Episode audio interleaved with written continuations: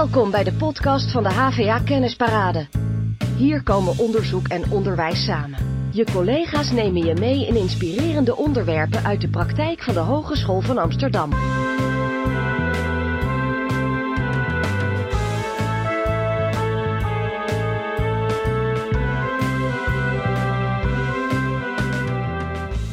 De afgelopen maanden verschenen er als gevolg van de COVID-19-pandemie overal ter wereld interventies in de openbare ruimte gericht op afstand houden. Lectoren Frank Surenbroek en Martijn de Waal vroegen zich af of we het momentum om aanpassingen te doen in publieke ruimtes niet ook konden benutten om meer structurele problemen in de stedelijke samenleving aan te pakken. Om maatregelen niet alleen te richten op preventie, maar ook op het verbeteren van de buurt en het versterken van wat wel veerkracht wordt genoemd. Het resultaat is From Prevention to Resilience, een door ZonMW gefinancierd actieonderzoek waarin HVA-onderzoekers uit de lectoraten Civic Interaction Design en Bouwtransformatie samen met ontwerperbureaus, architecten, gemeentes en woningbouwverenigingen met elkaar samenwerken.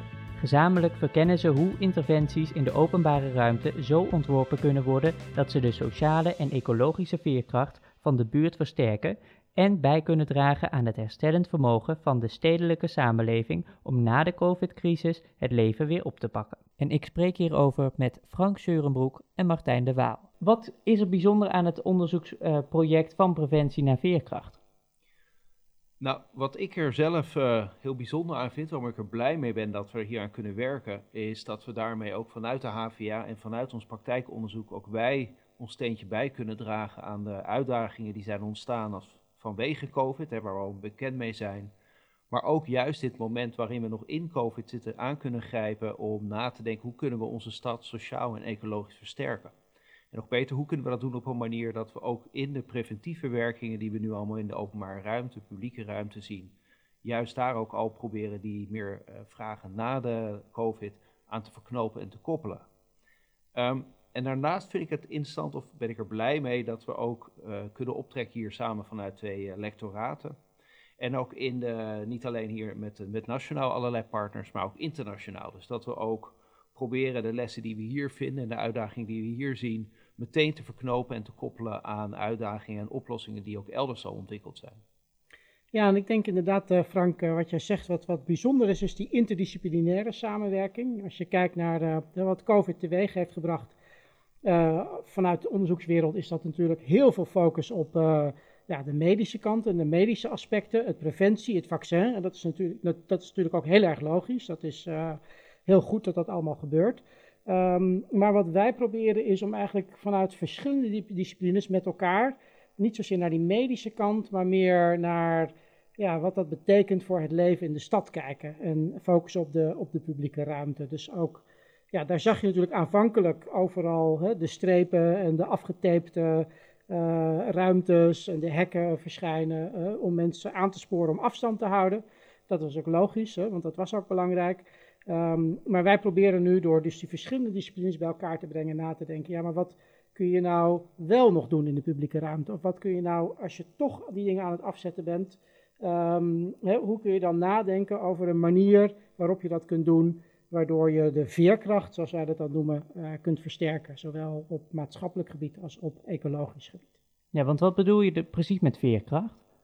Ja, met veerkracht, dat, uh, dat is een term die wel wordt gebruikt um, in, in de wetenschap en in, de, in, de, zeg maar in het sociale domein. Dat gaat eigenlijk over het, ja, het herstellend vermogen uh, tot op zekere hoogte. En daar kun je op twee manieren naar kijken. sociale veerkracht, dat gaat eigenlijk over de manier waarop mensen die in een wijk wonen om kunnen gaan met tegenslagen, uh, ja, kunnen reageren op spanningen van buitenaf. En dat gaat dan, als je het concreet maakt, gaat dat over vragen als wat voor netwerken hebben ze bijvoorbeeld, bij wie kunnen ze aankloppen voor steun, uh, bij wie kunnen ze aankloppen voor vriendschap, waar kunnen ze misschien ook weer nieuwe dingen leren die hun kan helpen om met nieuwe omstandigheden om te gaan. En dan hebben we het ook over ecologische veerkracht. Ja, en ecologische veerkracht gaat uh, nou ja, uiteraard over de, de, de opgaven die vanuit klimaatverandering op ons afkomen. De, de, de, de opwarming, maar ook omgaan met water. Uh, meer groen in de stad, meer ecologische structuur in de stad. Dus kortom, eigenlijk de hele condities die we met de openbare ruimte, eigenlijk de ruimte tussen de gebouwen, proberen te scheppen voor, de, voor, voor zowel het, uh, het well-being voor mensen als voor natuur. En daar liggen grote opgaven, die zijn bekend en die weten we ook met z'n allen dat die er liggen. Alleen die zijn vaak heel hardnekkig en heel complex om in te voeren. En juist die tijd van COVID zou de kans kunnen bieden om ook hier veel meer heel concreet mee te gaan experimenteren. Dus die, het feit dat we toch al investeren in, in, uh, interventies in die publieke ruimte, om ook daarmee te proberen te leren en te ontdekken en te ontwerpen hoe dat ook de ecologische uh, kwaliteiten van die plek kan versterken. En dat laatste, dat hele, de, de, ecologie en groen, dat hebben we natuurlijk ook wel, iedereen denk ik op zijn netvlies heeft. Dat met COVID, met lockdown, dat we de directe omgeving, je woonomgeving, ongelooflijk belangrijk is, wat de kwaliteit daarvan is. Uh, dus dat is iets waar ook aan gewerkt gaat worden, waar toch al aandacht voor is. En de vervolgstappen zijn, wat kan het ook nog veel meer betekenen op systeemniveau voor de ecologische uitdagingen. Ja, en het leuke is ook wel dat je ook ziet dat heel veel steden in de wereld uh, die kans ook nadrukkelijk proberen aan te grijpen. Dus uh, er is opeens heel veel meer aandacht voor hoe we nog wel in de openbare ruimte kunnen zijn. straten die worden afgesloten voor autoverkeer, worden teruggegeven aan de voetgangers. dus we, zijn ook, we zitten ook op het moment dat we ook op zo'n andere manier al naar de stad gaan kijken. Ook aangespoord natuurlijk door die crisis. Dat we denken, hé, waar komt dat vandaan? Hoe moeten we daarop reageren? En je ziet een aantal steden in de wereld ook al, Parijs, Milaan bijvoorbeeld, echt hele grote plannen lanceren om te zeggen van ja, maar dit doen we niet alleen tijdelijk, dit willen we zo houden. We willen echt op de lange termijn ook groenere stad. Uh, ja, wat voor projecten zijn dat inderdaad? Wat voor voorbeelden kan je daarbij geven? Nou, Milaan heeft bijvoorbeeld een heel groot plan gelanceerd. dat gaat echt over de herinrichting van straten, de auto het centrum uit, stoepen breder maken, meer ruimte voor voetgangers, meer ruimte voor groen in de stad. Parijs heeft soortgelijke plannen, dus dat is echt op het ja, op, zeg maar, op masterplan uh, niveau. Mm -hmm. um, hè, en daarnaast zie je uh, ja, op een meer alledaags niveau zie je dat mensen zelf ook op een andere manier met, de, met de ruimte omgaan. Heel, heel, is een heel klein voorbeeld, maar wat ik wel heel leuk vond, wat je in verschillende steden in de wereld zag, is dat mensen gaan steeds meer wandelen door de buurt. En er waren er ook mensen die dan bijvoorbeeld bij allerlei planten in de buurt de namen erbij gingen schrijven. Nee, dus omdat je, uh, omdat je dan kan leren van, oh god, wat zijn dat voor planten? Hè? Omdat mensen, yeah. omdat ze meer buiten waren, meer in hun eigen buurt, opeens ook op een andere manier naar hun buurt uh, gingen kijken. Uh, niet iets waar je alleen maar doorheen gaat op weg naar je werk, maar veel iets meer van, ja, dat is opeens je dagelijkse leefomgeving geworden. En mensen dus op een soort nieuwe manier naar die buurt gingen kijken en ook met elkaar, elkaar gingen attenderen op bepaalde dingen waar je op kunt letten.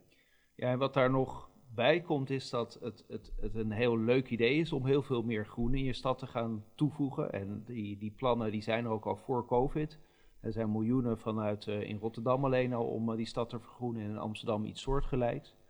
Maar hoe dat dan gaan uitwerken in, uh, als we dat daadwerkelijk gaan implementeren en hoe daar ook aspecten als veiligheid, hoe, dat, hoe dat uitwerkt, wat voor soort manieren van het gebruik van de publieke ruimte dat gaat betekenen dat zijn eigenlijk ook nog allerlei ontwerpvraagstukken, waarvan we nu nog in de praktijk met elkaar moeten gaan ontdekken hoe dat uitwerkt. En daar zijn allerlei uh, gemeentes en ontwerpbureaus mee bezig. Maar wij zien ook juist in die COVID-periode nu, en met dit project hopen we daar ook bij te dragen, dat we juist nu al experimenten kunnen doen. Dus naast onderzoekers hebben we ook een hele grote hoeveelheid uh, consortiumpartners, die ook een belangrijk deel in het ontwerp, het onderzoek hier in het project gaan uitvoeren. Ja, en dat, uh, die, die consortiumpartners, dat zijn aan de ene kant zijn dat uh, gemeentes, zijn een groot aantal gemeentes in Nederland die meedoen. Die helpen ons ook met het verkennen van de problematiek, van waar lopen zij nou precies tegenaan, wat speelt er in verschillende gemeentes, in het sociale domein, in het ruimtelijke domein. En daarnaast zijn het een aantal ontwerpbureaus. we werken samen aan de ene kant met, met UN Studio, dat is een groot internationaal architecten- en ontwerpbureau. Um, en aan de andere kant ook met The Beach. Dat is juist een wat, wat kleiner bureau voor social design. Die al een jaar of tien actief is in Amsterdam Nieuw-West.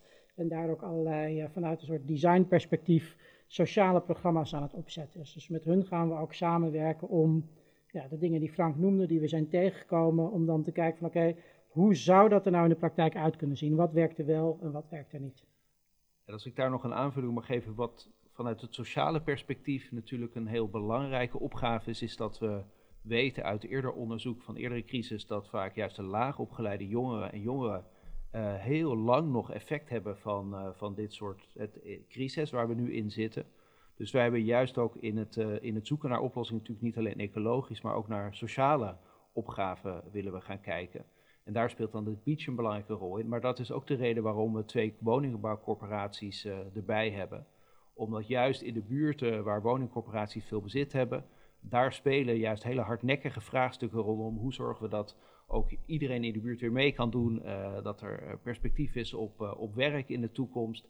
En hoe gebruiken we ook, of hoe, hoe, kan je eigenlijk leren van de initiatieven die daar nu al spontaan zijn ontstaan, of die je juist zou moeten gaan inzetten en ontwikkelen. En wat voor alternatieven zijn er dan speciaal of spontaan ontstaan? Nou, er zijn allerlei uh, initiatieven ontstaan uh, rondom uh, huiswerkbegeleiding, rondom het in het begin natuurlijk het, het, het halen van boodschappen voor kwetsbare ouderen. Um, zorgen dat je met elkaar, maar ook, ook letterlijk dat heel veel sportclubjes natuurlijk buiten zijn ontstaan. Dus het gaat niet alleen om initiatieven die ondernomen zijn, maar er zijn ook steeds meer activiteiten die eigenlijk normaal binnen deurs, binnen achter gesloten deur plaatsvonden. Die vonden nu opeens allemaal in het publieke domein plaats. En daarmee werd in één keer ook veel meer zichtbaar wat voor soort groepen daar allemaal in die buurt te wonen, wat voor soort activiteiten ze uitvoeren. En ook daar kun je lessen uithalen om te kijken wat zouden we eigenlijk als je meer sociale samenhang, meer sociale humuslagen en draagvlakken in die buurt wil versterken, wat zou je daaruit mee kunnen nemen en hoe kan je dat concreet maken? Mm -hmm. En wat, wat gaan jullie concreet eh, dan doen? Hoe ziet het er allemaal uit? Uh, hoe ziet een dag bijvoorbeeld eruit? Ja, je zou kunnen zeggen dat het uh, onderzoek uit een aantal fasen bestaat. Dus um, in de eerste fase gaan we vooral kijken naar uh, projecten die al zijn uitgevoerd, overal in de wereld. Uh, en die gaan we analyseren. En dat doen we samen met aan de ene kant de experts van woningbouwverenigingen, architecten, maar ook met een aantal internationale onderzoekspartners. Dus de Universiteit van Sydney doet mee, Harvard University doet mee, en um, de Bartlett, University College London, doen mee. Dus we hebben echt groepen van experts. En met die mensen gaan we een aantal van dat soort ja, uh, interventies gaan we echt analyseren. Van wat is er nou gebeurd? Wat zijn nou, en dat noemen we de bouwstenen um, van die verschillende interventies. Hè? Wat, wat voor verschillende tactieken gebruiken ze? En hoe hebben ze dat heel concreet gemaakt op een bepaalde plaats? En ja, op basis daarvan um, zullen we komen tot een, uh, dat noemen we dan een programma van mogelijkheden, niet een programma van eisen, wat uh, in de architectuur vaak wel wordt gebruikt, maar een programma van mogelijkheden. Dus wat, wat kun je eigenlijk allemaal doen in publieke ruimtes? Wat zijn daar verschillende bouwstenen daarvan? En daarvan zullen we er een aantal selecteren om in de praktijk uit te gaan testen. Maar dat is dus eerst nog, moet dat worden onderzocht? Ja, natuurlijk, want het is allemaal, er is ontzettend Zijn er bepaalde ideeën al van? Waarvan we, die je nu al kan zeggen van nou daar werken wij bijvoorbeeld aan om dat te gaan onderzoeken in ieder geval. En dat zou mogelijk in de praktijk, dat is in ieder geval uh, iets waarvan we denken, oh dit, dit, uh, ja, dit willen wij wel in de toekomst uh, zien veranderen. Ja, nou, het zit op, in een aantal verschillende categorieën. Dus aan de ene kant is het echt inderdaad de pure preventie. Hè? Dat is de, de strepen op de grond en de stickers en de routing en schermen die mensen aanraden om je op een bepaalde manier te, te gedragen. Dus we gaan ook een beetje kijken van wat zijn daar eigenlijk de, effecten van. Helpt dat überhaupt of kijkt daar niemand naar? Um, en hoe kun je dat op een interessante manier doen? Maar dan vooral koppelen dus aan die andere doelstellingen die we hebben. Um, je zou kunnen zeggen dat er een aantal initiatieven zijn die uh, heel erg zijn gericht op, uh, ja, we noemen dat even, je zou dat kunnen noemen coping. Dus hoe gaan we om met de huidige situatie? Uh, dus dat zijn die dingen die Frank ook noemde van, we zien bijvoorbeeld ehm, huiswerkbegeleiding ontstaan uh, in uh, bibliotheken of lege kantoren. Als reactie op het feit dat ja, heel veel mensen, zeker in buurten als Nieuw-West, met grote gezinnen op kleine appartementen zitten. En dat is natuurlijk heel lastig om je te kunnen concentreren op je schoolwerk. dus dat zijn een soort maatschappelijke initiatieven. maar je ziet ook op um, persoonlijk niveau zo'n app um, die je kunt downloaden, die nu heel populair is, die mensen aanspoort om elke dag even een ommetje te gaan maken. -hmm. Um, dus dat zijn eigenlijk allemaal ja, uh, zowel uh, sociale organisaties als apps, als een soort ruimtelijke interventies, die heel erg gericht zijn op okay, hoe gaan we nu om met de situatie.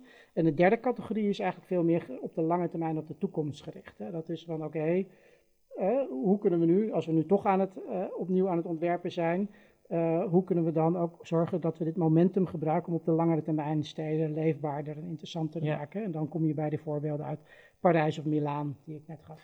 En wat ik daar nog wel op wil aanvullen, wat, uh, wat, wat zeg maar de uitdaging of een van de, van, de, van, de, van de kern is dat we natuurlijk kijken naar bestaande interventies die nu gebeuren, vanuit COVID geïnitieerd, maar juist ook naar interventies die er al zijn of die vergelijkbaar zouden kunnen zijn, die vanuit sociale ambities of ecologische ambities zijn gedaan, even los van COVID.